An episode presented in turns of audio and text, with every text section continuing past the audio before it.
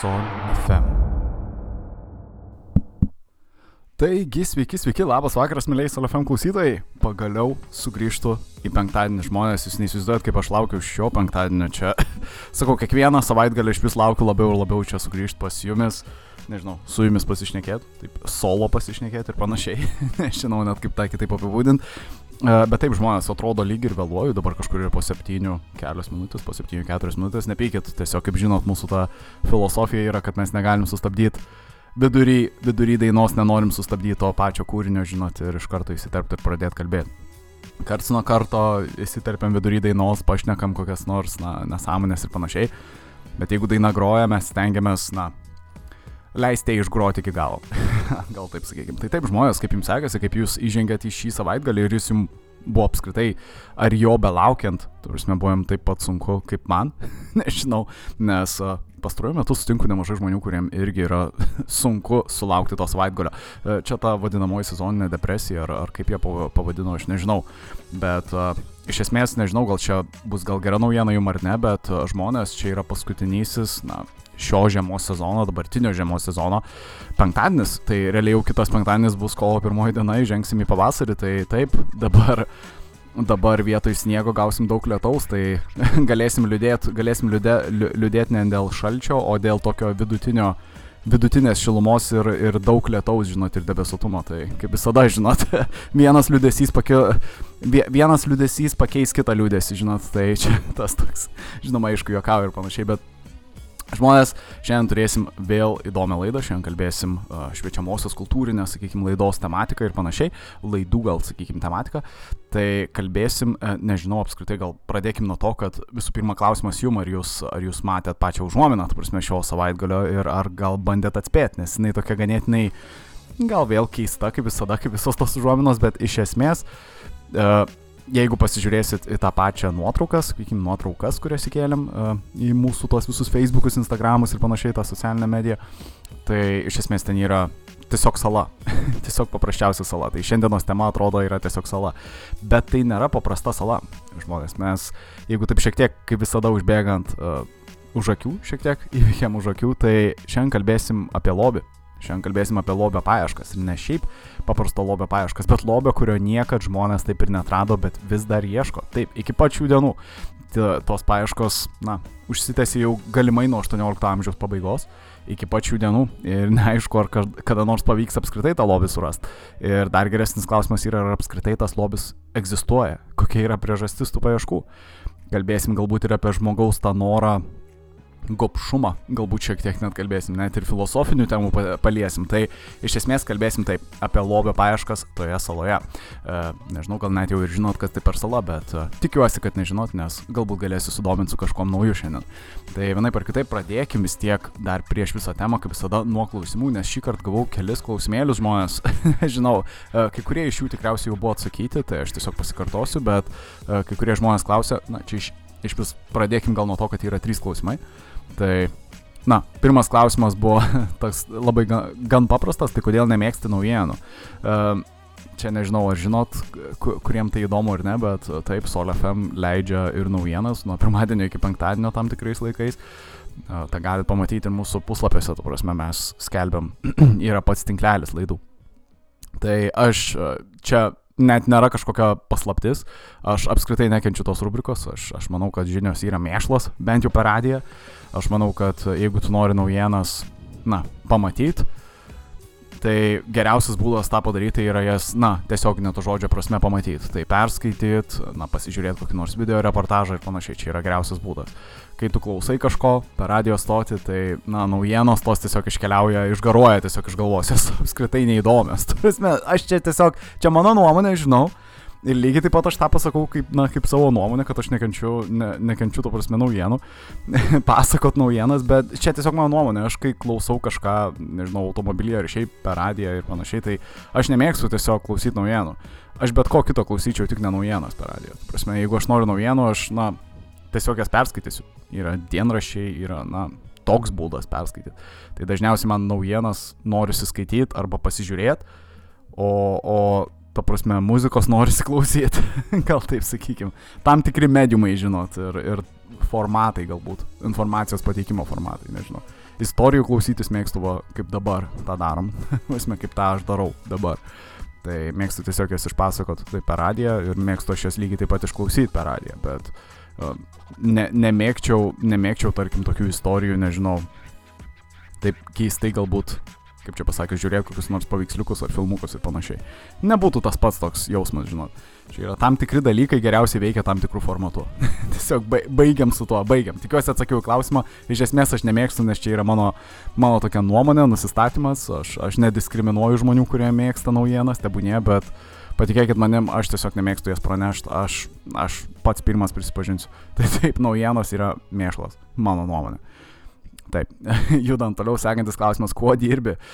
Čia toks vėlgi jokingas klausimas, bet uh, taip žmonės tikriausiai žinot, kad aš, uh, na, kaip čia pasakius, aš dirbu kelis darbus, tavarsime taip aš turiu tą dieninį darbą, aš dažnai pabrėžiu, kad aš nemėgstu lietuviško darbdavio ir kad jisai yra iš esmės, na, lietuviškas darbdavys yra iš esmės, kaip čia pasakius, druska žemiai.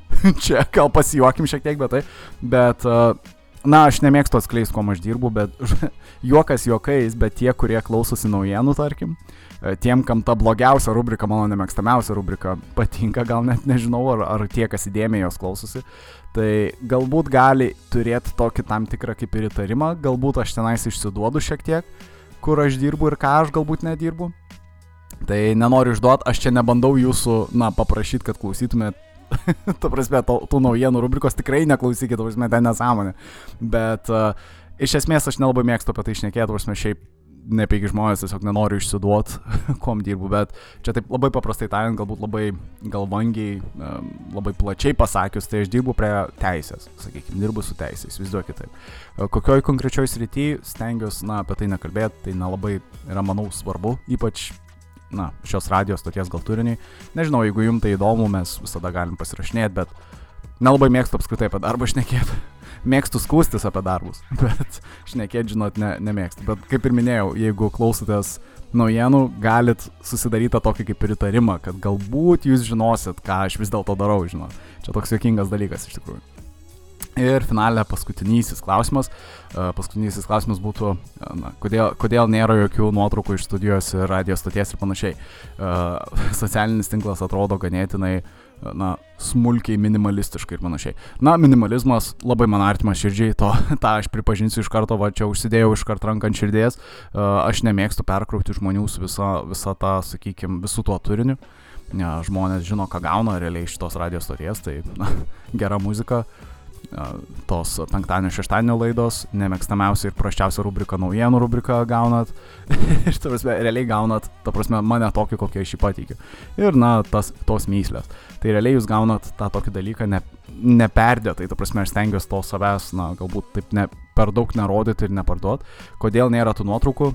Na, nežinau, aš nesu labai fotogeniškas gal žmogus, ką žinau, ką, kaip tą kitaip pasakyti, e, aš nemėgstu fotografuotis žmonės, aš net neįsivaizduoju, kaip tą, aš dabar, tu prasme, laikau telefoną rankoje ir aš bandau įsivaizduoti, kaip tai turėtų atrodyti, aš, tu prasme, turėčiau nusifotografuoti dabar prie prie mikrofono ir įdėti į, į to prasme, į Facebooką ir, ir išsiųsti visiems pasižiūrėti. Visame žmonės jūs nieko negautumėt iš to visiškai.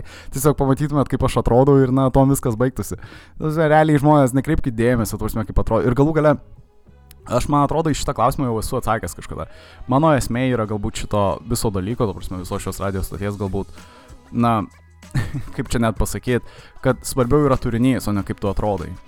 Su, tikiuosi, suprantat, ką turiu menyti. Prasme, nueikite bet kokią kitą radio stotį ir prasme, pamatysit, ką aš turiu menyti. Ten žmonės negali nustoti savęs rodyti. Ten žmonės neturi nieko daugiau ką parodyti o tiesiog save sėdinti, tu prasme, studijoje, ten nežinau, su kalėdų senelio kepurėm, prie eglės, ten čia, čia kai dar buvo šventės, visi to prasme turi save rodyti ir pastoviai save demonstruoti. Žmonės už savęs, ne, man jo nereikia savęs, prasme, demonstruoti, aš tiesiog noriu pademonstruoti galbūt pačią radio stotį. Ir prasme, radio stotis nors ir susideda iš kolektyvo, sakykim taip, tačiau tai ne tai yra svarbu, ta prasme, ne kaip tas kolektyvas atrodo, bet ką tas kolektyvas sukuria. Sakykime, ką, ką mes galim čia sukurti. Tai realiai gal aš tikiuosi apskritai, kad jums galbūt yra įdomiau, apie ką mes kalbam čia, o ne, o ne tai, kaip mes atrodom. ar mes gražus, ar mes negražus ir panašiai. Na, nežinau. ir šiaip aš nelabai mėgstu fotografuotis, tai nežinau. Čia gal toks, nežinau, aš tiesiog nesuprantu tų žmonių. Gal jūs mėgstat fotografuotis, pamokinkit, nežinau. Ir čia iš vis čia toks gal juokingas klausimas, tarkim, Bet čia irgi toks patikrinimas, jum testas, tarkim, kai jūs filmuojat, okei, okay, su telefonu, tarkim. Jūs filmuojat statmenai laikydami, te, ta prasme, telefoną ar, ar horizontaliai laikydami telefoną. Čia yra svarbus dalykas, žinokit, gali tyčiotis, bet čia klausimas jum. Ir aš lauksiu atsakymų, labai įdėmiai lauksiu atsakymų, prasme, ar jūs filmuojat vaizdo įrašus, ta prasme, savo telefonę statmenai, ar gulšiai, ta prasme, horizontaliai. Čia yra svarbu, nepamirškite atsakyti. Na, o taip, dabar jau užtenka kalbėti apie tos klausimėlius, jau tikiuosi atsakiau visus tris. Uh, pabandykim judėti prie, prie pačios šios dienos temos. Tai mes kalbėsim šiandien, kaip ir minėjau, apie, apie keistą salą ir apie, na, kaip čia pasakius, toje saloje galimai esanti arba nesanti uh, lobį. Nežinau, žmonės jūs tikriausiai mėgstat, kadangi esat galbūt kai kurie, kai kurie iš jūsų, gal, gal net esat uh, jūreiviai gal kokie nors, ar kažkas panašaus, gal mėgstat jūrą, tai jūs mėgstat gal ir piratavimą, čia aišku nelegalu, kaip žinia, ne, neteisėtas dalykas, nusikalstama veika ir panašiai, bet uh, gal jums tai yra dalykas, apie ką jūs kartais karts nuo karto pamasto, to prasme, pačią, pačią istori, patį istorinį dalyką, to prasme, kaip pira, to prasme, piratavimą kaip patį istorinį dalyką. Ir gal net ir modernų piratavimą, nes, na, kaip žinia, jūroje piratų vis dar yra, nėra taip, kad jie tiesiog išnyko ir kad čia yra istorinis dalykas, bet toks dalykas kaip, na, auksinis piratų amžius egzistavo. Ir mes žinom, kad piratai, na, jie nebuvo visi tiesiog na, beturčiai, galima sakyti, jie daug vogė, sakykime, jūroje ir panašiai tuo auksiniu laikotarpiu piratų, e, piratų amžiaus, kas buvo apie 17 e, kažkur amžius plus minus, e, galbūt net ir 18 amžiaus pati pradžia. Tai čia buvo tas auksinis, auksinis, sakykime, tas vadinamasis piratų amžius. Tai tikriausiai žinot, apie ką aš kalbu, kas, kas yra piratas, kaip, ką, ką jie veikdavo ir ką jie darydavo ir, ir kokie jie būdavo jūrininkai ir panašiai. Dažniausiai jie būdavo, na, tie, va, tie vadinamieji, ta prasme, privatininkai, ta prasme, žmonės, kurie turėjo savo realiai laivus, savo tokią kaip ir individualią veiklą, sakykime, vykdė ir jie, yra, jie buvo žmonės, kurie nusprendė šiek tiek pasisukti, pasukti priešingą linkmę ir stoti prieš savo šalį, galima sakyti, prieš viską, susėsti su savo įgula ir tiesiog, na, pasistengti pasistengti savo, susikurti savo laimę patiems na, ne visai, ne visai teisėtų būdų žinoma, bet suprantat, ką turiu menį. Mūsų istorijos čia, nais, kai mes kalbam, visada yra romantizuojamos. Vis tiek piratai yra, na, turi kažkiek savo, romanti, e, savo romantikos, ta prasme, ypač tie senoviniai piratai. Na, žmonės tiesiog tiek ir filmai yra kuriami ir panašiai, jūs žinote, apie ką aš neku. Prasme, piratavimas, nors yra baisus dalykas, prasme, žmogžudystės, ten buvo baisu, prasme, lygos, E, apgavystė, žmogžudystės, prasme, tu nieko negali pasitikėti, na, pastovus badas, skurdas, e, karts nuo karto apiplėšimai ir panašiai. Na, iš ties atrodo tragiškas laikmetis, bet vis tiek žmonės sugeba jį romantizuoti. Tai vėlgi daugiausiai, ką mes žinom apie, apie piratus, yra būtent iš vienos tokios knygos, kuri, kuri galbūt ir nėra labai uh, labai išsami, sakykime, bet jinai kalba apie daugybę piratų to laikmečio ir jinai, na, kaip čia pasakius, jinai, nežinau, ar jinai yra geras labai šaltinis, nes jinai yra parašyta autoriaus, kurio niekas negali rasti. Tai yra bendroji piratų istorija, vadinamoji knyga. E, tikriausiai esu minėjęs ją, ją, ją kažkada anksčiau, kitoje, kitoje praėjusioje, sakykime, laidoje, kai kalbėjom apie vieną žymiausių piratų, apie Henry Every. Tai apie jį yra irgi kalbama toje knygoje, bet kartu yra kalbama apie dar vieną labai žymų iškotų piratą. Uh, tikriausiai žinosit, uh, tai būtų kapitonas. Kapitonas Viljamas Kidas, gal taip sakykime. Tiesiog labai paprastai. Tai kapitonas Kidas. Uh, jis tikrai žymus piratas, ne, jisai nėra išgalvotas, kaip ir minėjau, ta bendroji piratų istorija yra ne šiaip, ne, ne šiaip knyga, jinai turi ir faktų, bet turi ir kažkiek tokios, na, žinot, fantastikos galbūt priburtos. Kaip ir minėjau, autorius, kapitonas Čarlzas Johnsonas, jisai išlieka myslė, niekas nežino, kas jisai buvo, jisai tenais, na čia kažkoks anoniminis, tu prasme, autorius. Tai iš esmės čia vis dar išlieka myslė, kas parašė šią knygą. Mes tik žinom tą vardą, pavardę, Charlesas Johnsonas, kuris, na, realiai čia yra kaip Petras Petraitis, žinot, mums būtų. Tai taip, toje knygoje yra kalbama ir apie vieną kapitoną Viljamą Kidą. Ir, na, ši, ši knyga ir pati uh, kapitono, kapitono Kido istorija, ta prasme, na, jinai išgarsėjo ne tik visame pasaulyje, bet, ta prasme, ir per kartas išgarsėjo. Mes apie šios piratus kalbame iki, ap, iki šiol, ta prasme, tai yra legendiniai piratai, gal ne taip sakykime, jie tiesiog uh, jų, jų norėjau sakyti žygdarbiai, bet apskritai jų veiksmai gal taip sakykime, na, jie jau turi tą tokią kaip ir mitinę vertę. Žmonės net tiksliai negali pasakyti, ką jie iš tiesų padarė. Jie galbūt gali pasakyti, kokius iš tiesų nusikaltimus, na, kelis kokius nusikaltimus, kurie tikrai įvyko, bet tarp jų yra ir dar begalė daugybė ten tų visokių žygdarbių ir istorijų, e, kuriuos jie galimai padarė ir ne. Tai žmonės čia kaip visą laiką šit, šios laidos esmė yra ta, kad mes, na, istorijos šimtų procentų niekada nežinosim, nes šaltinių paprasčiausiai yra per mažai. Tai nepykit, jeigu aš kartais atrodys, kad nusikalbu, galbūt supainioju kokį nors faktą ir panašiai, nes iš ties yra sudėtinga, kalbant apie šitą laikotarpį ir ypač apie tokius žmonės kaip piratus, e, kažką faktiškai rast, na, patvirtinto šaltiniais ir panašiai. Tai taip, judant toliau, tai mes kalbėsim konkrečiai šiandien apie uh, vadinamąją, vadinamąją Ažolo salą. Tai taip, jūs ten matot uh, ta, toji nuotrauka, ta prasme, kurią mes paplatinom šiai savaitai, šiam savaitgaliui ta mislė atsiskleidė, tai yra Ažalo sala, e, na, angliškai vadinasi tiesiog Oak Island e, ir jinai randasi, jinai randasi Kanadoje. o jeigu tiksliau, tai, e, ta prasme, Kanados labiausiai rytiniai, na, rytinėje dalyje, galbūt rytinėje pusėje, tai yra tokia kaip Nova Skotija, toksai regionas, jisai, na, tokia kaip provincija, galima sakyti. Tikriausiai galite įsivaizduoti. Žinot, kas yra Kanada tikriausiai ir galite įsivaizduoti rytinę pakrantę jos, tai taip, jinai, jinai randasi toje no, Nova Skotijoje ir, tu prasme, ta sala yra, na, viena iš daugybės salų tame regione, tame regione yra berots daugiau, plus minus kažkur apie 300 salų ir, ir kiekviena iš tų salų yra sujungtos tokiais kaip takais, įvairiausiais keliais, tiltais ir panašiai. Na, pati sala, pati sala nėra labai didžiulė, jinai yra apie kažkur, jeigu neklystu, apie vieną kvadratinį kilometrą, na, dydžio. Turime, realiai tu galėtum ją apeiti labai lengvai, tiesiog pestute. Jeigu aš neklystu, dabar galvoju, ilgis, man atrodo, yra kažkur apie pusantro kilometro, o plotis yra net nesiekintis kilometro. Tai net nežinau, ar čia, na, net nebandau skaičiuoti, bet sakau, plus minus kažkur, sakykime, šimtas hektarų, ar ne, na, kvadratinis kilometras kažkur. Tai taip, pati sala yra mažytė, bet jinai turi labai daug įdomių dalykų apie save. Tu prasme, matot, istorija, sklinda legendos, įvairios legendos, tu prasme, šioje, šioje saloje, kad uh, Ta prasme, būtent šioje saloje yra paslėptas piratų lobis. E, ir galimai ne bet kokio pirato, būtent kapitono Kido e, lobis. Nes, e, kaip žinia, galbūt sklido dar vienas mitas ir dar viena legenda apie kapitoną Kidą, kad jisai dar prieš mirtį, nes, kaip žinia, 18 amžiaus pradžioje, visai dar 1701 metais, kapitonas Kita, Kidas buvo pakartas. Jisai, na, už savo nusikaltimus realiai buvo sugautas, prasme, na, suimtas realiai, nuteistas ir pakartas. Ir, ir galų galiai ir berots ir buvo jisai ir pakabintas dar. Ir, na, gelež, jo lavonas buvo pa, pakabintas žym, žymėjame tame džibete, ar kaip jie vadinasi, ta, tame geležinėme narve, e, kur seniau piratus, na, pakabindavo taip grinai jūroje ar, ar upėje ar kur nors, kad, na, gazdintų kitus žmonės. Na, iš ties arhaiškas dalykas, baisu pagalvot, bet iš esmės čia yra tokia ta istorija ir, ir tai buvo tikėtina. čia vėlgi šaltiniai taip sako, kad taip atsitiko kapitonui Kidui, bet prieš jam mirštant jisai galimai paslėpė lobį.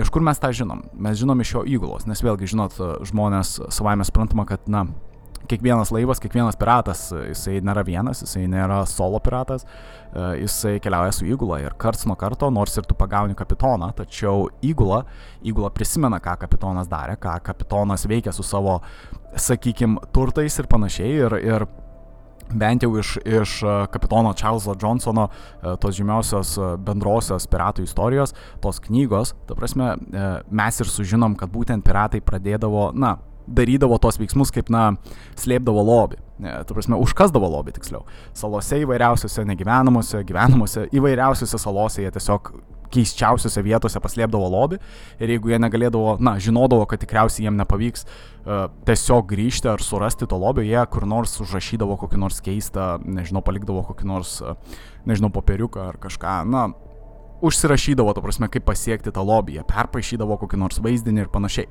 Tai taip, kapito, kapitonas Kidas, jisai, na, galimai viena legendinė istorija su juo buvo susijusi tai, kad jisai galimai buvo nuo no, Nova Skotijos regione, e, jisai galimai kažkur plaukiojo tame, tame regione savo auksinėme amžiuje, sakykime, savo, per savo karjerą, kuri netruko labai daug, jinai truko mažiau nei dešimtmetį berots, Ir taip, kol jisai piratavo, jisai, jisai buvo praplaukęs pro tą regioną Kanados, dabartinės Kanados.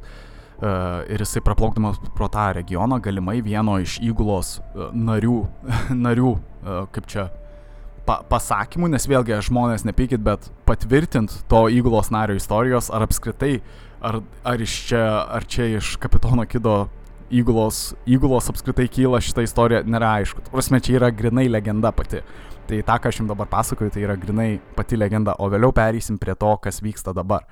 Tai pati legenda, kaip ir minėjau, byloja, kad, na, nors ir kapitonas Kidas mirė, bet ja, ta prasme, vien žmonės jo įgulos, na, ta prasme, išgyveno, jie nebuvo visi sugauti ir vieni iš sugautų, ta prasme, nesugautų, tiksliau, kapitono kido žmonių, jie, na, užeidavo karts nuo karto į barą ir pradėjo iš lūpų į lūpas pasakoti istoriją, kad, na, kapitonas kidas, kai buvo dar nusam, na, kai dar plaukiojo, plaukiojo tame regione Kanados, no, Novo Skotija regione, jisai paslėpė lobį, kuris, kurio vertė gal, galimai tuo metu siekia apie 2 milijonus svarų.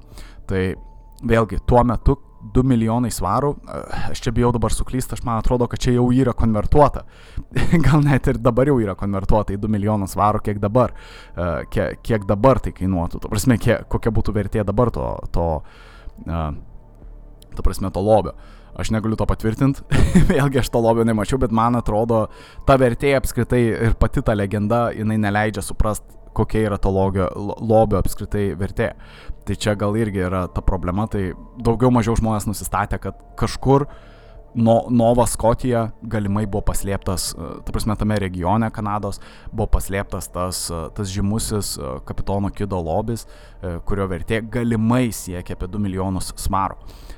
Čia vėlgi užsidarė visa, visa ta istorija, tuom ir viskas atrodo pasibaigė, bet tačiau atrodo, atrodo tuom viskas nesibaigė. Nors ir kapitonas Kidas mirė, bet dar net nepraėjus šimtmečiui, e, šimtmečiui staiga vienas, staiga vienas žmogus e, vardu Danielis Makginis, e, ieškodamas vietos, ieškodamas vietos pasistatyti savo, savo fermą, ta prasme, jisai vaikštinėjo po tą Oak Island, tą Ažolo salą, kuri, kaip ir minėjau, yra tame pačiame, na, Novo Skotijos regione. Jisai bevaikštinėdamas toje saloje, jisai staiga pastebėjo, kad, na, vienas, vienas, vienas iš, prasme, viena vietovė, ta prasme, toje saloje yra tokia šiek tiek, na, minkštesnė žemė, ta prasme, apskritai minkštesnė žemė, lyg, lyg kažkas būtų kažką kasęs, ar užkasęs tiksliau. Ir, na, jam, jam labai patraukė dėmesį šitas dalykas, nes vėlgi jisai, Danielis, Danielis Maginis, jisai buvo girdėjęs istoriją apie, apie kapitono Kido lobius ir legendas ir panašiai. Ir jisai girdėjo tą istoriją, kad, na, jis galimai kažkur paslėpė tą lobį būtent tame regione. Ir jisai, na, suprato, kad galbūt uh, Ažolo sala ir yra toji sala, ta viena iš tų 300 ar daugiau salų esančių regione, kurioje būtent sustojo, sustojo, ta prasme, kapitonas Kidas ir jisai, na, su savo įgula, nežinau, kažkur palaidojo, pa, paslėpė tą būtent žymų į lobį. Tai, na, čia iškart pristabdysiu, nes turėsiu tiesiog vieną dalyką pri, pri, primint. Žmonės čia yra istorija, kuri yra 18 amžiaus pabaigos. Mes kalbam apie 1799 metus. Ir problema yra tame, kad čia yra dvi versijos šios istorijos. Nes matot, viena versija yra, kad viska, visa tai vyko būtent tais pačiais 1799, o kita yra, kad tai įvyko 1795. Tai ta ankstesnė istorija, ta 1795 metų istorija, tai tas pats Danielis Maginis, jisai lygiai taip pat, lygiai taip pat randa, ta prasme, keistą žemės lo, lopinėlį, kuris atrodo, na, minkštesnis, atrodo taip, lyg būtų kažkas kasęs žemę, bet jisai randa šiek tiek kitaip. Jisai neieško vietos savo fermai pastatyti, bet jisai vakare pamato kažkokias šviesas. E, jisai pamato keistas šviesas tolumoje, būtent, būtent toje pačioje Ažalo saloje ir tos šviesos tai užsidegdavo, tai užsigesindavo, tai vėl užsidegdavo, tai vėl užsigesindavo. Suprantat, ką turiu menį? Lik kažkas nusileistų žemyn, ta prasme vėl pakiltų, tada vėl nusileistų žemyn su šviesom, vėl pakiltų, na, lyg kažkas kažką slepia galbūt. Ir, na, čia yra tokia viena iš tos istorijos e, pradžių, ta prasme, tų versijų. Ir čia yra galbūt pirmoji problema, su kuria mes susidurėme, mes nežinom, kom patikėti. Apskritai mes net negalim rasti tokio žmogaus kaip Danielis Maginis, ta prasme, matot, 18 amžiaus pabaiga, Kanada, sunku surasti, ta prasme, mes neturim kažkokio registrų centro ar kažko panašaus tenais, ta prasme, mes negalim nei gimimo, nei mirties liūdimo, nei patikrint, nei pasižiūrėti, nei, įsitikinti šią informaciją. Turim tiesiog pasikliaut pačią legendą. Bet šiam kartui tiesiog įsivaizduokim, kad visa tai yra tiesa. Tiesiog įsivaizduokim, kad nors tai ir yra dvi versijos tos istorijos, bet juose slypi ta viena bendrinė istorija. Ta prasme, viena bendrinė galbūt tiesa tai šiuo atveju tiesiog įsivaizduokim, kad egzistavo toks žmogus kaip Danielis Maginis, kuris tuo metu dar buvo visai paauglys, buvo visai jaunas uh, vaikinas, prasme, ir jisai tiesiog per šansą, per tą savo norą galbūt pasižiūrėti, kas tenais vyksta ir, pa, ir panašiai. Nors mes pamatęs tas šviesas, jisai pamato, pamato keistą, ke, keistą, na, lopinėlį, kaip ir minėjau anksčiau, žemės, kuris atrodo puresnis nei aplinkinė žemė, nes vėlgi plikom rankom, tarkim, kasti. Ne, nežinau, kaip čia net kitaip tą paaiškinti, nes žmonės uh, tikriausiai esat galbūt pabandę kada nors šiaip pakas šiek tiek žemės, paprastai sausai, taip, na, atsistokit dabar, tarkim, laukiai, išeikit, pa, paimkit saują žemės ir vėl tą saują padėkit jūs antrą kartą kasant tą, tą patį, ta prasme, lopinėlį, na, jis kasis lengviau, nes, na, jau, jau žemė yra puresnė ir, na, savaime suprantama, čia, nais, man tų visų dėsnių pasakot nereikia, bet taip daugiau mažiau žmonės, na, supranta, kad kažkas buvo, na, kasęs, kažkas kažką buvo daręs, nes reikia, kad daugiau laiko praeitų, kad žemė ta visa vėl sukėtėtų ir panašiai. Tai, kaip ir minėjau, Danielis Maginis, jisai, na, pamato, kad toks nemažas atrodo plotas, e, pažymėtas atrodo lyg ir, ir na, jisai toksai gan purus, tu prasme, puri žemė ir, ir galimai kažkas kažką kasinėja, tu prasme, kad buvo įvykę kažkokio kasinėjimo darbai. Ir, na, ką jisai nusprendžia padaryti, jisai nusprendžia pasikviesti kelius savo draugus, jisai pasikviečia dar du draugus, irgi paauglius, e, kurie jam padeda, na, kasti, tiesiog paprasčiausiai pradėti kasimo darbus. Ir nuo čia prasideda ta ir vėlgi legenda, vėl ta įdomi istorija ir panašiai. Jiem bekasinėjant, jie iš ties pamato labai keistų dalykų. Ta prasme, jie aptinka keistų dalykų. Kažkur daugiau mažiau kas 3 metrus jie pamato ažolo tokias kaip platformas, jie prisikasa prie ažolo platformų. E, net nežinau kaip tą paaiškinti, bet įsivaizduokit, kad jūs kasa duobę, ta prasme, jūs prakasat apie 3 metrus ir, na, prasikasas tuos 3 metrus jūs atsimušat į medį. Ir, na, vėlgi, saloj galbūt nėra keista, na, rasti medžio ar kažko panašaus, prasme, vėlgi, gal, gal kokia šaknis ar kažkas ir panašiai, bent jau tai pamatė, pa, pamanė patys paaugliai. Bet pradėjus jiem, na, atkast giliau, jie suprato, kad ten nėra tiesiog, na, šaknis ar, bet kas kitas, tu prasme, tai yra medžio platforma, ažolo platforma. Ir to, tokia platforma, ta prasme, jinai pastatyta, lyg kažkas būtų, na, atsistojęs, suprantate, įsivaizduokit, tiesiog tu pakasi kažkiek ir tu uždedi medžio tokio, iš medžio padarytą tokią kaip platformą, ar ne? Tada vėl užkasi smėlių, tada vėl atsistoja ant tos platformos. Ir jiem atrodė labai keista, čia, na, neįprastas dalykas, tai atrodo lik pagaminta žmogaus, ta prasme, tai nėra gamtinis, gamtinė platforma ar kažkas panašaus. Natūraliai tai negalėjo atsirasti, kažkas turėjo čia vykdyti iš ties kasinėjimo darbus ir ne bet kokius, o kažkokius, na, profesionalesnius atrodo. Lyg kažką bandytum slėpti, ar ne? Tai jie nuėmė tą platformą ir jie toliau tęsia kasinėjimus. Jie mato, kad žemė, aplinkui esanti žemė yra kieta, tai vadinasi, kasinėjimų jokių nebuvo. E, tuo tarpu na, žemė, kurią jie kasa, yra minkšta. Atrodo, kad ta šakta, kurią jie jau iškasi, yra ganėtinai gili ir, to prasme, kad ir kokia tai buvo dobė, jinai buvo labai labai gili. Tai, na, visi trys, visi trys paaugliai yra išties nustebę ir, kaip ir minėjau, visi trys, visi tri, visa trijulė, jie žinojo apie tą istoriją, apie tą žymėją uh, kapitono Kido legendą, kad kažkur galbūt galimai šiame regione yra palaidotas kur nors paslėptas tas, tas jo lobis, tas dviejų milijonų svaro e, vertės lobis. Tai žinoma, visiems paaugliam, to prasme, kilo mintis šakės, na, negaliu patikėti, gal čia ir yra toji vieta. To prasme, nes suprantat, įsivaizduokit, to prasme, na, galbūt net ir dabar iki šiol kažkur pasaulyje yra paslėptų, na, piratų lobio, e, piratų lobių, to prasme, kurių mes, na, dar kol kas neradom. Galbūt rasim dar. E, dėl to ir yra dar pilna žmonių, kurie vaikščiojo, sakykime, su įvairiausiais metalo detektoriais, sakykime, per visokius urvus, visur. Nes, prasme, realiai tu gali, būdamas piratas, tu gali, na, paslėpti bet kur praktiškai tą, tą lobį. suprantat, bet kur, ar skrynę, ar, ar kokią nors metalinę dėžę, tu gali tą lobį paslėpti bet kur, tai jisai gali būti irgi bet kur. Ir na, taip, kaip ir minėjau, žmonės iki šiol vaikščiojo nebūtinai šio, ne tik šitoj ažalo saloje iki šiol, bet apskritai visame pasaulyje tu gali rasti žmonių, kurie turi kokią nors, na, vietinę legendą, kad kažkur čia buvo piratai, kurie galimai paslėpė lobį. Ir tie patys žmonės vaikščiojo su metalo detektoriais, visi iš jų tyčiojasi tų žmonių, Tipo, kad ne, negali čia būti, čia nusišneki ir panašiai, bet o jeigu, o jeigu žmonės, mes netrukdykim tiem žmonėm tiesiog, na, svajot, tebūnie, kol tai nėra aišku žalinga. Aš nieko nesakau, jeigu tai nieko nežaloja ir, ir jų pačių nežaloja, viskas, viskas gerai. Bet jeigu tai jau, na, persimeta prie blogų dalykų, tu prasme, didelių išlaidų, sakykime, ar jau tai pradeda kenkt gamtai ir žmonėm, tai gal jau tada jau blogai. jau tada jau skaičiu blogai. Bet taip, pereikime atgal prie pačios pagrindinės istorijos. Taigi visi trys paaugliai toliau tęsia kasnėjimus ir vėl po 3 metrų, kažkur maždaug plus minus 3 metrų, jie vėl atsimuša į medinę platformą. Vėlgi negali patikėti, kas čia. Ta prasme, atrodo taip, lik viskas yra suskirstyta laiptais, ta prasme, jiem bekasant. E, tu prasme, paaugliai nenustoja, jie toliau pradeda kast. Ir jiem bekasant, jie atsimuša į akmenį į keistą, keistą akmenį.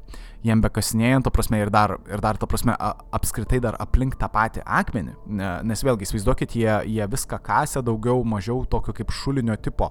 Uh, tu prasme, suprantat, kad turiu minėję kasę tokį kaip, na, apskritą, uh, apskritą, tu prasme, duobę. Uh, bent jau taip istorija byloja, kad, tu prasme, jie tokią apskritą duobę, jie grinai perkasi iš naujo tai, ką jie, ką, ką jie rado. Jie, jie rado, tu prasme, tą purę žemę ir jie grinai taip kaip jie ją rado, jie taip ir leidosi kasti, jie nieko kažko naujo neiškasinėjo, tiesiog bandė viską perkasti.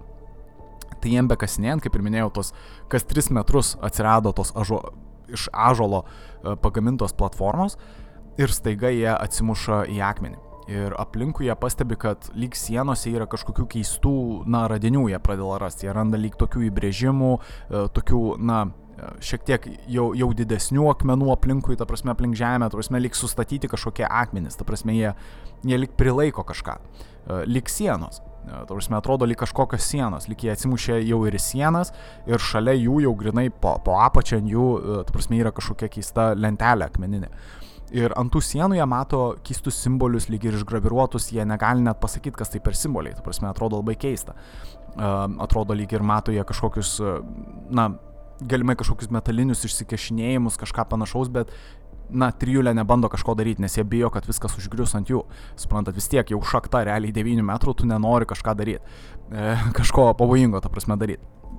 Tai kas atsitinka, ta prasme, e, visą trijulę, ta prasme, paima tą akmenį, nes vėlgi tas akmuo, ne, nesuvokim to, kad tas akmuo buvo milžiniškas kažkoks ir panašiai, tai buvo tokia kaip akmeninė tabletė, gal, sakykime, ar kažkas panašaus, toks, na, kaip stačiakampis, ir ant jo buvo kažkas užrašyta, bent jau tos trijulės teigimu, ant tos pačios e, tabletės atrodo, jie negalėjo net jos išskaityti, nes jinai buvo, na, su visokiais simboliais, kažkokiam keistom runom, e, nesuvokiamiais dalykais, ta prasme, kažkaip užkoduota jinai.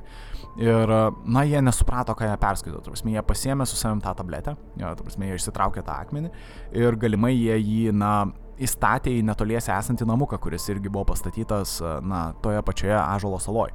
Nes, kaip ir minėjau, ta Ažalo sala, na, jinai nėra didelė sala ir joje realiai, jinai net nebuvo tokia kaip ir gyvenama labai sala, jinai dabar yra privačiai jau nupirkta, sakykim, sala, jinai priklauso uh, keliems savininkam, uh, berots trejiem galbūt, o gal net ir daugiau savininkų dabar, nes berots vienas iš savininkų ne per seniausiai, na, užgeso berots, bet Bet jeigu neklystu, tai taip, jinai dabar yra, na, jinai priklauso privačiai.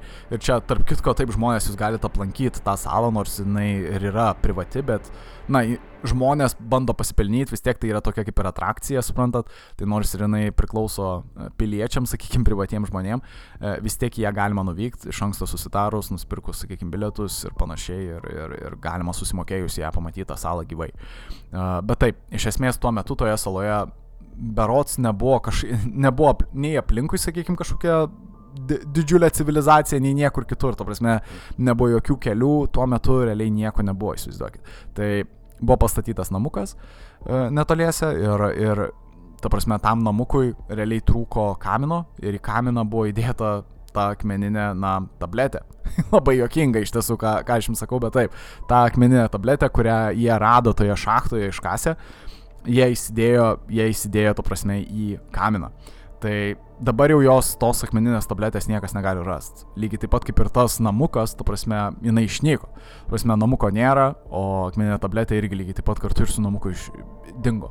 Žmonės negali patvirtinti. Vėlgi daug kas sako, kad čia yra tik legenda ir tas akmeninis, ta akmeninė tabletė ar, ar ką jie ten rado, jinai net neegzistavo.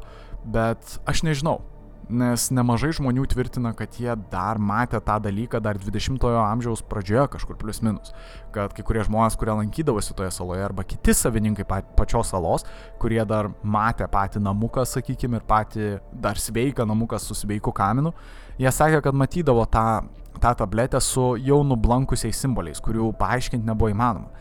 Bet trijulė sugebėjo įminti, kas ant tos tabletės buvo užrašyta.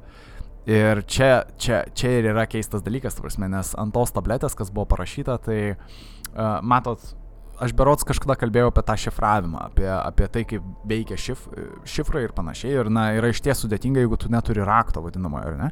Jeigu tu pamatai keistus simbolius, uh, ir tu bandai juos iškoduoti savo kalbą, tikriausiai nepavyks. Tu net nežinai, kaip tą daryti, tu nežinai, kokia kalba yra parašyta viskas, tu nežinai, kokius simbolius taikyti ir panašiai, bet žmonėms pavyko, nes jie paprasčiausiai naudoja tą tokį, na, kaip Cezario, sakykime, šifrą. Tai įsivaizduokit, kad kiekvienam simboliui jie tiesiog priskyrė tokį kaip, na, vieną iš alfabeto, vieną iš alfabeto raidžių ir jie tiesiog, taip, kaip čia pasakius, rinko raides, tas keitė raides iš eilės iki tol, kol tos raidės susidėliojo į sakinį. Ir tas sakinys gavosi labai keistas, prasme, kad labai tiesmukiškas ir labai paprastas. Iššifravus tą sakinį jisai, jisai parašė ant tabletės, kad uh, už dešimties metrų, uh, už dešimties metrų, uh, kažkur plius minus dar už dešimties metrų, yra lobis. Tuo prasme, jūs rasite lobį. Tai, na, iš ties, ka, keista, ar ne, tu prasme, atrodo taip ties, tiesmukiškai parašyta ant pačios tabletės. Ir žinoma, Paugliam tai skambėjo nuostabiai, bet jie nebeturėjo jėgų, jie nebeturėjo įrangos. Savame suprantame, trys jauni vaikinai, ta prasme, negali iškasti milžiniškos šachtos, ta prasme, 30-40 metrų, ta prasme, kiek dar reikia, ta prasme, ne, neaišku. E, ir ta prasme, net neaišku, ar tas lobis iš viso yra, gal tai yra tik juokelis, ta prasme, gal kažkas paliko tokia, bet kas galėtų taip giliai užkas lobį ir kas galėtų taip palikti akmenį? Kam? Na, labai keista.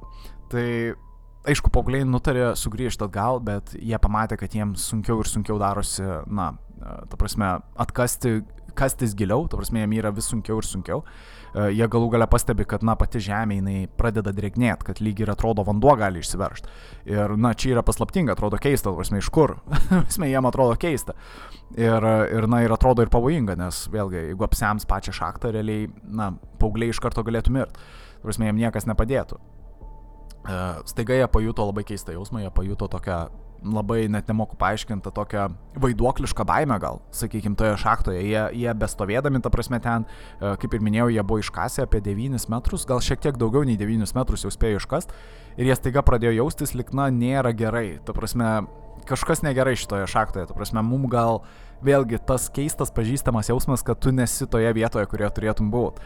Kad realiai gal geriau pasišalink. Jų instinktai pasakė, kad jiem reikėtų pabėgti e, iš tos vietovės. Ir aišku, visi trys paaugliai pabėga iš ten ir daugiau nebetlieka jokių kasinėjimų. Ir šiu, čia baigėsi būtent to Danielio Maginiso istorija.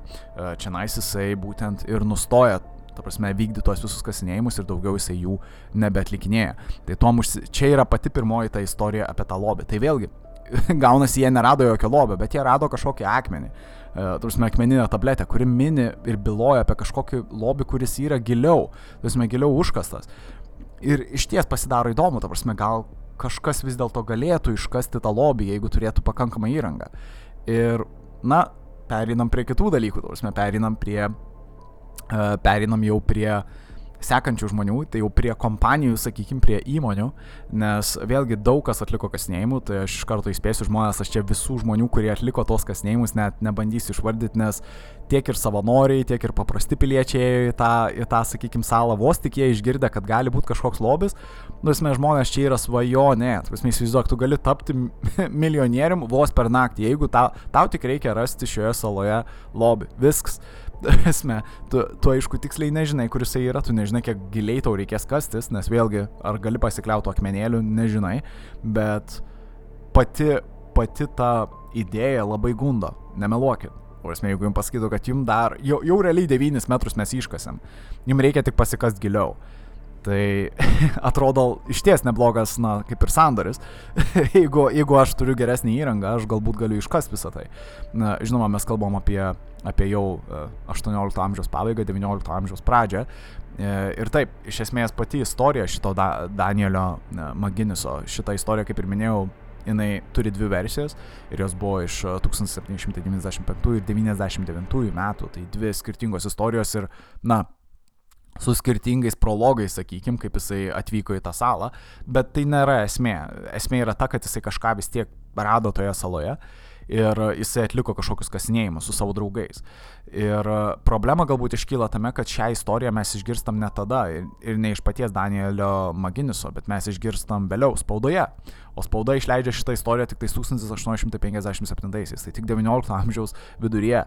Tai realiai visi tie tokie jau patvirtinti kasinėjimai prasidėjo, galima sakyti, nuo 19 amžiaus antrosios pusės. Tai savaime suprantama visos tos kitos legendos, tos ankstesnės 18 amžiaus ir Danielio Maginiso istorija ir panašiai, jinai yra nepatvirtinta. Jinai yra realiai legenda, galima sakyti, mitas. Mes nežinom, kaip iš tikrųjų buvo. Galbūt, ne, galbūt tie žmonės net neegzistavo. Aš, na, negaliu patvirtinti, ta prasme, bet tam tikri dalykai byloja, kad galbūt galimai ten kažkokie kasinėjimai galėjo būti. Nes taip, žmonės ten lankėsi, taip, kažkokios kompanijos ten irgi lankėsi ir darė įvairius savo archeologinius, sakykime, galbūt ekspedicinius, galbūt kasinėjimus ir kažką panašaus. Tai taip, tęsiant toliau istoriją, vos po Danielio Maginiso, ta prasme, nesėkmės, e, atvyksta sekantis žmonės, ta prasme, atvyksta, atvyksta jau kompanijos su, su geresniais, sakykime, ištekliais, su didesniais ištekliais ir jie pradeda vykdyti tolimesnius kasinėjimus, jie pradeda kasti giliau, jie bando iškasti dar giliau ta prasme, tą šakną kiek įmanoma giliau ir, ir savaime suprantama, jie supranta, kad jeigu jie kas neatsargiai, tas galbūt lobis, kuris gal yra arba jo nėra, jis gali būti pažįstas arba, na, gal net ir sunaikintas, niekas nežino, arba gal net užkastas giliau. Nes žinai, tu tarkim spaudi žemę kasdamas, galbūt tu kiši kaip nors, na, arba stumi, arba slenki visą žemę žemiau esančią, šiek tiek ir galimai galbūt net ir tas lobis kažkiek slenkasi nuo tavęs. Tikriausiai supranta tą principą, tiesiog pabandykite įsivaizduoti, kad taip kasi ir jeigu tu neatsargiai tą padarysi, juo labiau jeigu mes kalbam apie skrynę, tarkim, ar ne, tai ta skrynė, na, ją labai lengva sugadinti, prasme, na, apžalot, apdaužyti, nežinau, tiesiog kasant gali labai prarasti tą lobį lengvai, jeigu jisai iš vis yra. Tai taip, kaip ir minėjau, tai tos keletos, keletą kompanijų bent jau tariamai pradeda irgi vykdyti ka, kasinėjimus. Tai tie kasinėjimai vyksta iš karto po Danielio Magineso vos keliari metai po jo, jau XIX amžiaus pradžioje. Bet vėlgi apie šitus kasinėjimus nepamirškit, mes sužinojom tik iš spaudos 1857-aisiais. Tai mes nežinom, ar apskritai šitie kasinėjimai šimtų procentų vyko, nes, na, čia toks, kaip čia pasakius, šimtų procentų nepatvirtintas dalykas. Tai, žinot, iš, iš, ties, iš ties toks, na, man gal tas ir nepatinka šitoje istorijoje, kad jinai prasideda su legenda žinot, prasideda su legenda ir, na, atrodo, na, nežinau, atrodo labai keista. Tiesiog mano nuomonė. Tai taip, kalbant toliau, tai iš esmės keletą kompanijų iš karto po Danielio Maginiso išgirsta šią istoriją. Turime keletą kompanijų, galbūt savininkų, sakykime, ir jie supranta, kad jie gali pabandyti būti tie, kurie atras vis dėlto tą lobį. Jie pradeda vykdyti kasinėjimus, jie iškasa dar gilesnės duobės, jie iškasa uh, jau vadinamąją pinigų duobę. Uh, tai čia irgi sminkė tas pavadinimas, tai uh, pinigų duobė tai ir yra toji pirmoji duobė, kurią surado Danielis Maginisas. Problema yra tame, kad niekas nežino, kur šita duobė yra. Tai Taip, šiuo metu niekas nežino, kur ta duobė yra, kur jinai galėjo būti. Čia yra labai keistas dalykas ir žmonės visi galvoja, kad jeigu mes galėtumėm atrasti tikslę lokaciją, kur buvo ta pinigų duobė, kur, kur vyko tie pirminiai kasinėjimai, mes galimai gal net ir rastumėm tuos visus, sakykim, lobius.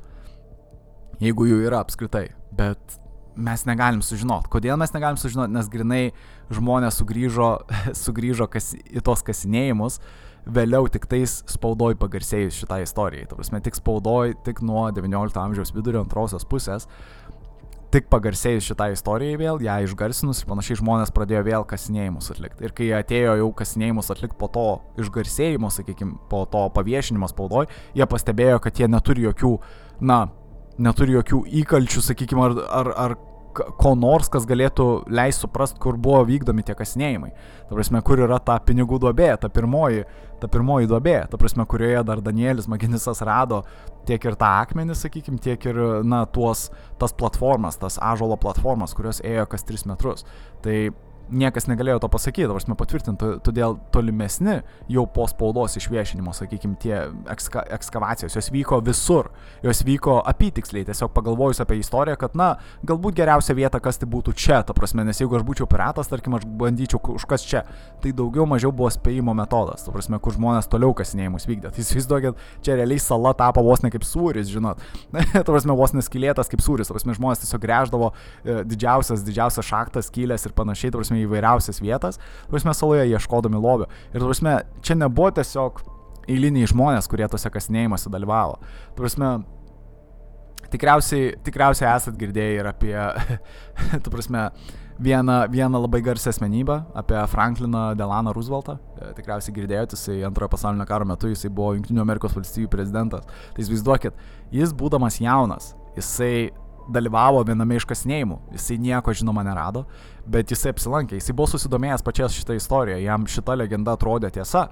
Ir jisai kartu vėlgi su kompanija, su, su nemažai kitų uh, dalyvių, jisai dalyvavo toks, tose ekspedicijose ir jisai lygiai taip pat e, padėjo tose kasinėjimuose, jisai ieškojo lobio, bet jam nepavyko rasti nieko. Na, bet štai jam pavyko tapti prezidentu ir, ir dalyvauti vienoje iš, na, viename iš didžiausių, sakykime, įvykių 20-ojo amžiaus.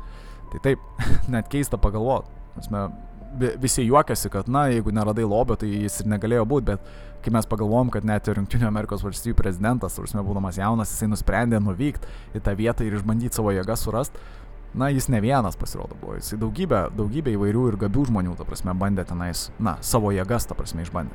Tai kaip ir minėjau, toliau, prasme, kompanija Toji kompanija po Danielio Maginiso istorijos, bent jau kaip aiškina spauda, e, siekia toliau iškasti na, dar gilesnę dar gilesnę šachtą toje pinigų duobėje, nes jie žinojo, kur yra tas pirminis e, kasnėjimas. Tai jie pratęsė jau nuo tos 9 metrų plus minus 90 metrų gylio, sakykime, duobės, jie toliau tęsia kasinėjimą e, ir jiem bekasant jie, na, pastebi kitų dalykų keistų.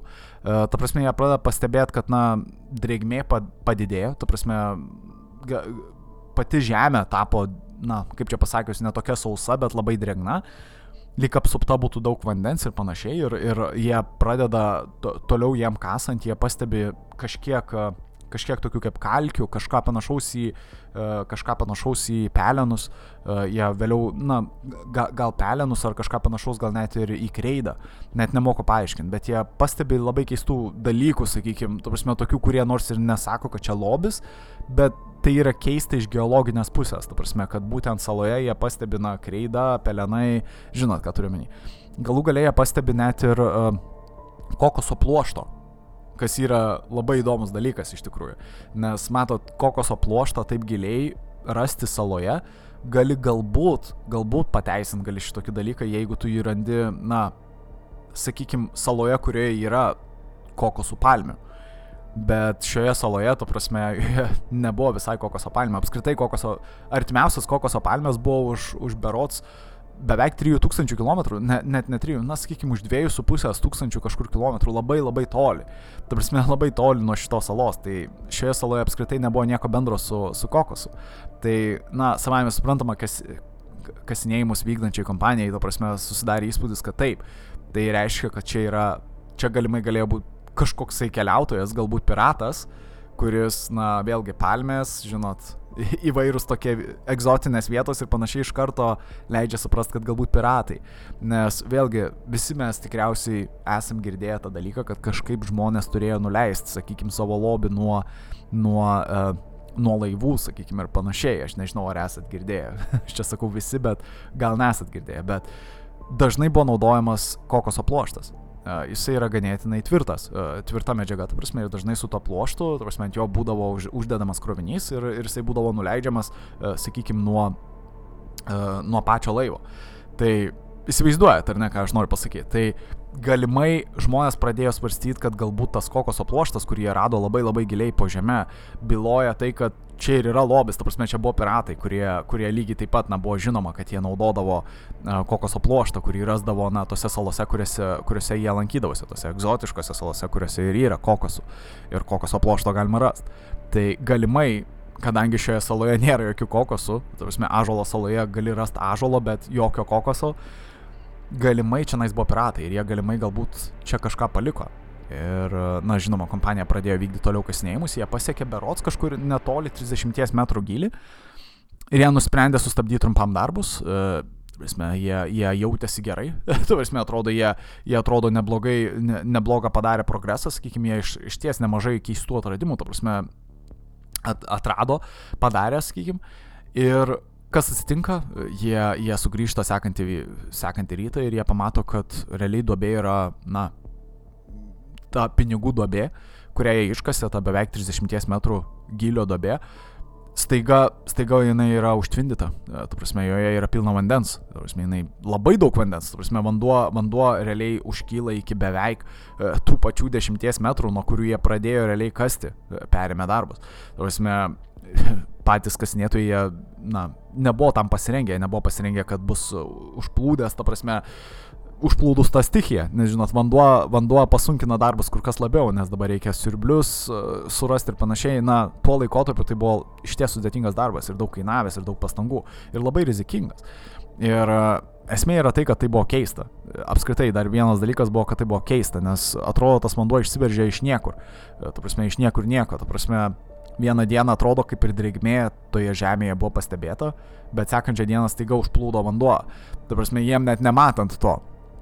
Ir, na, jie tik tais atliko tą tokį kaip ir preliminarų tyrimą, kad daug maž išsiaiškinti, iš kur tas vanduo atsirado apskritai. Ir jie rado, kad atsivėrė kažkokie keli tuneliai. E, ta prasme, kad giliai toje šachtoje, toje pinigų duobėje, labai labai giliai, šiek tiek pakasus, jie galimai pamušė tokį kaip ir, na, tunelį, kuris turi labai tokį stiprų spaudimą kuris galimai eina į jūrą, ta prasme, nes, kaip ir minėjau, čia yra sala, jinai yra supama jūros, vandenino ir panašiai.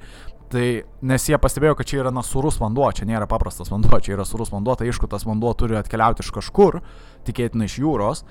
Ir kadangi tai yra, na, ka, ka, kadangi, ta prasme, tas vanduo ne, nebuvo ki, kibirais atneštas, tikėtina, kad jis atkeliauja iš jūros, per kažkokį tunelį galbūt. Tai, na, kad tai atrodė apskritai keista pačiai kompanijai. Tai prasme, kad čia iš ties yra sudėtingas, na, toks kaip, na, kaip čia pasakius, tai atrodo lik spastai atrodo, lyg kažkas būtų paspendęs pastus, kad jeigu tu nežinai kaip kast, tai tada tai užtvindins, pa, užtvindys patį tunelį. Ir galbūt net ir kaip nors apgadins patį, patį lobį. Galbūt, žinot, nežinau. Uh, tikriausiai įsivaizduojat, kas tai yra. Čia toksai kaip ir, na, savotiškas, savotiškas mechanizmas, tu prasme, pastai, kad, kad nepasiektum lobio. Kad tik tais tie, kurie žino, kaip pasiekti tą lobį, galėtų pasiekti. Norėjau sakyti ezoteriką, bet čia ne visai yra, čia nesamokslas. Čia tiesiog įdomus toks, na, kokia, kaip ir inžinerinė tokia problema. Ir tai atrodo, na, kažkas panašaus, ką galbūt ir padarytų piratai. Tai atrodo, na, iš ties, iš ties skamba piratiškai. Kad jeigu aš būčiau piratas, aš norėčiau, kad kažkas panašaus būtų toj dobėjai, kad būtų toks kaip saugos mechanizmas, kad jeigu kažkas bando, tas, kas neturėtų rastą lobį, bando jį atkast, kad jis susidurtų su tokiom bėdom. Tai čia atrodo ganėtinai įdomi, įdomi problema ta kompanija nebuvo pasiruošus tam ir jie tiesiog pasidavė. E, pereina kita kompanija, jinai, na, buvo apsirūpinus šiek tiek siurbliais ir, na, lygiai taip pat kasnėjimo įranga, tai jie pabando vis išsiurbtą vandenį, jie vis bando jo atsikratyti, bet ką jie pastebi, tai kad tas vanduo vis užplūsta, tas vanduo nenustoja. Tai kaip ir minėjau, jie pradėjo suprasti, kad realiai, na, tie tuneliai tikriausiai kaip nors yra tie tuneliai, vandens tuneliai, iš, kurio, ku, ku, iš kurių, ta prasme, bėga tas jūros vanduo, sakykime, tas surus vanduo, galimai yra kaip nors susijęs su, na, netoliese esančia jūra, tikriausiai prie, pačio, prie pačios salos. Tai ką tai reiškia? Tai reiškia, kad, na, realiai tu nepakovosi su vandenynais žemės ir tiesiog nesvarbu, kiek tu kasi, tu realiai, na, tas vanduo vis plis ir plis. Ir, na, kas belieka daryti, prasme, tau reikia tada montuoti vairiausius sutvirtinimus, tau reikia pasiruošti geriau. Tau toliau kasinėjimo atlikti neišeina. ir neišeis. Tai iš esmės, ta prasme, ši kompanija lygiai taip pat pasiduoda. Ta prasme, ką jie, ką jie padaro, jie tiesiog palieka tą duobę ir realiai man atrodo, nuo, nuo šio momento ir baigėsi šita istorija. Ta prasme, realiai čia, čia baigėsi ta antikinė legendinė istorija, nes uh, tuom ir pasibaigė pati, na, spaudoje išplatinta istorija. Daugiau mes nežinom, kas atsitinka. Bet uh, spaudoje kartu yra kviečiami investuotojai, ta prasme, išbandyti savo jėgas. Kiekvienas žmogus buvo, buvo ta prasme, kviečiamas toj, toj pačioje istorijoje, toje 19 amžiaus antrosios pusės, ta prasme, istorijoje, na, išbandyti savo jėgas, susirinkti savo kompaniją žmonių, savo draugų, savanorių ir panašiai, kad, na, pabandyt, pabandyt Ažalo saloje atrasti lobį. Ir, na, žinoma, daugybė, daugybė žmonių bandė. Ir kartu pradėjo sklisti keista legenda. Viena iš legendų buvo, na, viena iš svarbiausių, galbūt, sakykime, legendų buvo ta, kad, na, saloje turi mirti, na, turi žūti bent septyni žmonės, kad atsirastų lobis. Aš nežinau, iš kur atsirado šita legenda, bet jinai pradėjo plisti. Turime vėlgi iš lūpų į lūpas. Čia yra tokia, na, savame raganystė, net nežinau kaip tą pasakyti, bet iš ties atrodo gan keistai, žinot, ir vėlgi aš kaip ir minėjau, pirmieji, e, ta pati pirma e, istorija, ta Danielio Maginiuso istorija, jinai taip ir daug maž užsibaigė, kad, na, jisai pajuto tą keistą baimę, ta prasme, toje šachtoje ir jisai pasišalino su savo draugais. Ir staiga ima plisti tas mitas po daugybės nesėkmių iš kitų kompanijų, sakykime, staiga pradeda plisti mitas, kad pirmą turi žūti bent septyni žmonės, kad tas lobis būtų rastas. Ir spėkit, kiek žmonių žuvo šiuo metu. Yra žuvus. Nes taip, šio, šioje istorijoje mes pakalbėsim ir apie žūtis, nes taip, nelaimingi atsitikimai jie įvyksta. Ir iš septynių šeši. Tai taip, čia, čia tuom, tuom tikiuosi jis gal sudomino. Uh, iš ties, jeigu ta legenda yra tiesa, tai reiškia, kad mums trūksta vieno, prasme, vieno žuvusiojo, kurio aš tikrai nenorėčiau būti, aš tikrai nesavanoriauju čia, na, sakydama šitą, bet trūksta vieno žmogaus, sakykime, ir pagal legendą, realiai tada turėtų būti atrastas pats, pats na, pats lobis. turėtų jisai atsirasti taiga. Ir, na, kapitono Kido galbūt istorija vis dėlto pasitvirtintų. Bet mes nežinom to, mes nežinom šimtų procentų, vėlgi čia tik legenda, čia tik, na, tie spiritualiniai dalykai, kuriais nebūtinai tu tiki, ypač juo labiau, jeigu tu esi toje šachtoje tenais giliai. Tarsi, tu nelabai, na, esi ryžęs pasitikėti tokiais dalykais, tu gal geriau pasitikėsi techniką ir, tarsi, sutvirtinimais. Tai taip, iš, išplitų šią istoriją spaudoje, daugybė žmonių ėmėsi, ėmėsi, na, darbų ėmėsi išbandyti savo jėgas ir, ir taip toliau mes pratesim šią istoriją iki pat moderniųjų dienų, iki pat šių dienų, nes taip žmonės iki šiol tenais vyksta kasinėjimai. Dabartiniai, e, vieni iš dabartinių, e, ta prasme, šios salos savininkų iki šiol atlieka tos, tuos kasinėjimus, kuriuos jūs galite realiai stebėti, na, per realybės šou. Tai iš šitų kasinėjimų yra net padarytas realybės šou. Tai taip, iki šiol šitie kasinėjimai vyksta šioje, šioje saloje. Ir mes apie juos kalbėsim toliau. Tai pabandysim dar tą istoriją pa, pa, na, pajudint šiek tiek toliau. Tai taip tikiuosi sudominau ir jeigu ką, dabar paliksiu jūs ramybėje, bent, bent kokio, ko, kokiom plus minus 20 minučių. Ir tada sugrįšim ir tęsim toliau pačią istoriją ir, ir apie galimas versijas. Ta prasme, nes vėlgi teorijų, kas vis dėlto gali būti šioje saloje, yra daugybė. Na, yra paprastų paaiškinimų, yra labai keistų paaiškinimų ir yra samokslo teorijų, tų pačių įdomiausių paaiškinimų. Tai pabandysim viską aptart. Taip, tai vėlgi iki to laiko žmonės pasilikit su mumis, dar, dar pasėdėkit, nežinau, pasiklausykit geros muzikos, o iki to laiko, nežinau, ruošiuosi, kaupiu jėgas. kaupiu jėgas. Sėkmės žmonės. Iki iki.